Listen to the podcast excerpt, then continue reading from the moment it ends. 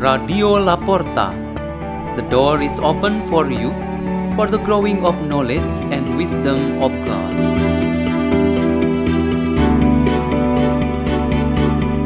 Delivered by Reina from Christus Raja Church, Diocese of Surabaya, Indonesia.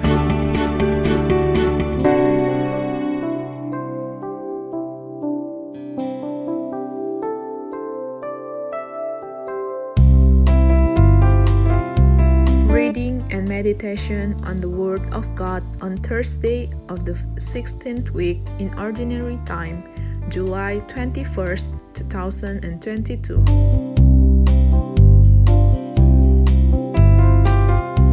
The reading is taken from the book of the prophet Jeremiah. This word of the Lord came to me Go, cry out this message for Jerusalem to hear. I remember the devotion of your youth, how you loved me as a bride, following me in the desert, in a land unshown. Sacred to the Lord was Israel, the first fruits of his harvest. Should any presume to partake of them, evil would befall them, says the Lord. When I brought you into the garden land to eat its goodly fruits, you entered and defiled my land.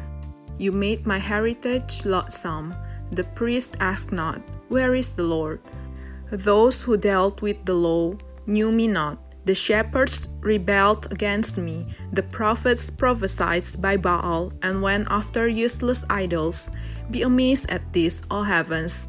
The shooter with sears honor, says the Lord.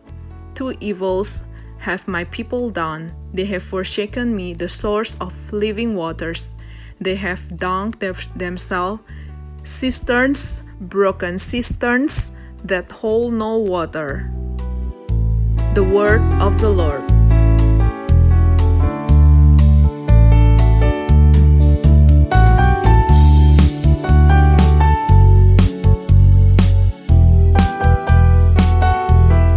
Our meditation today has the theme Way to Understand Him.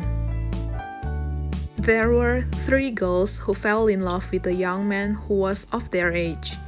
Each girl always tried to win the hearts of the young man with her best way of appearance. Sometimes they competed unfairly in the manner that one tended to highlight the weaknesses of her other friends.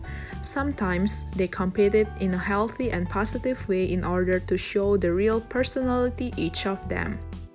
The young man also had his own way to appear nicely to each girl who was so fond of him. As time went on, each of them became bored and tired. The three girls were confused about who really deserved to be the best and chosen. Because it was not possible for all three of them to be chosen, the three of them agreed to discuss about this. They finally concluded that the young man would definitely have his own way to understand them and to choose only one whom he loved. This illustration shows how love is expressed.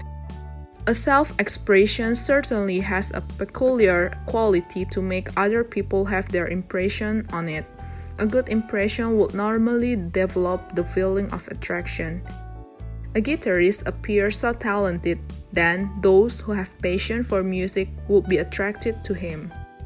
A person's self expression aims to make other people understand about him, and they normally support him. If this is a kind of human attractiveness that deserves appreciation by all of us, it should be all the more the attractiveness of God's love that always moves our hearts to be in love with Him and to be love our fellow brothers and sisters as well. The Lord first revealed Himself to us humans. The quality and power of the expression of His love are beyond the one of ours simply because God incarnates in us. Through incarnation, He purifies, empowers, and perfects our life in the Word. He reveals Himself in order to sanctify the Word and all of us. To the Israelites, God had revealed Himself as the Lord who was so kind and merciful to them for their obedience and faithfulness. But he also became the Lord who had punished these people because of their ungratefulness and sinfulness. Jesus also made his listeners to understand him through his various way of preaching or teaching. He uses parables so that his listeners understand that he is so concerned about those who are humbled, suffering, alienated, and persecuted. He also opened the mind of those who are great, powerful, rich, proud, and smart, but they are not willing to accept and understand him.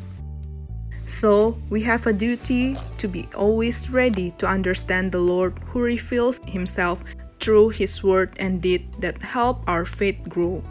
But we also have the same important task to make our neighbors understand us for witnesses of our faith. This is also the way we serve others.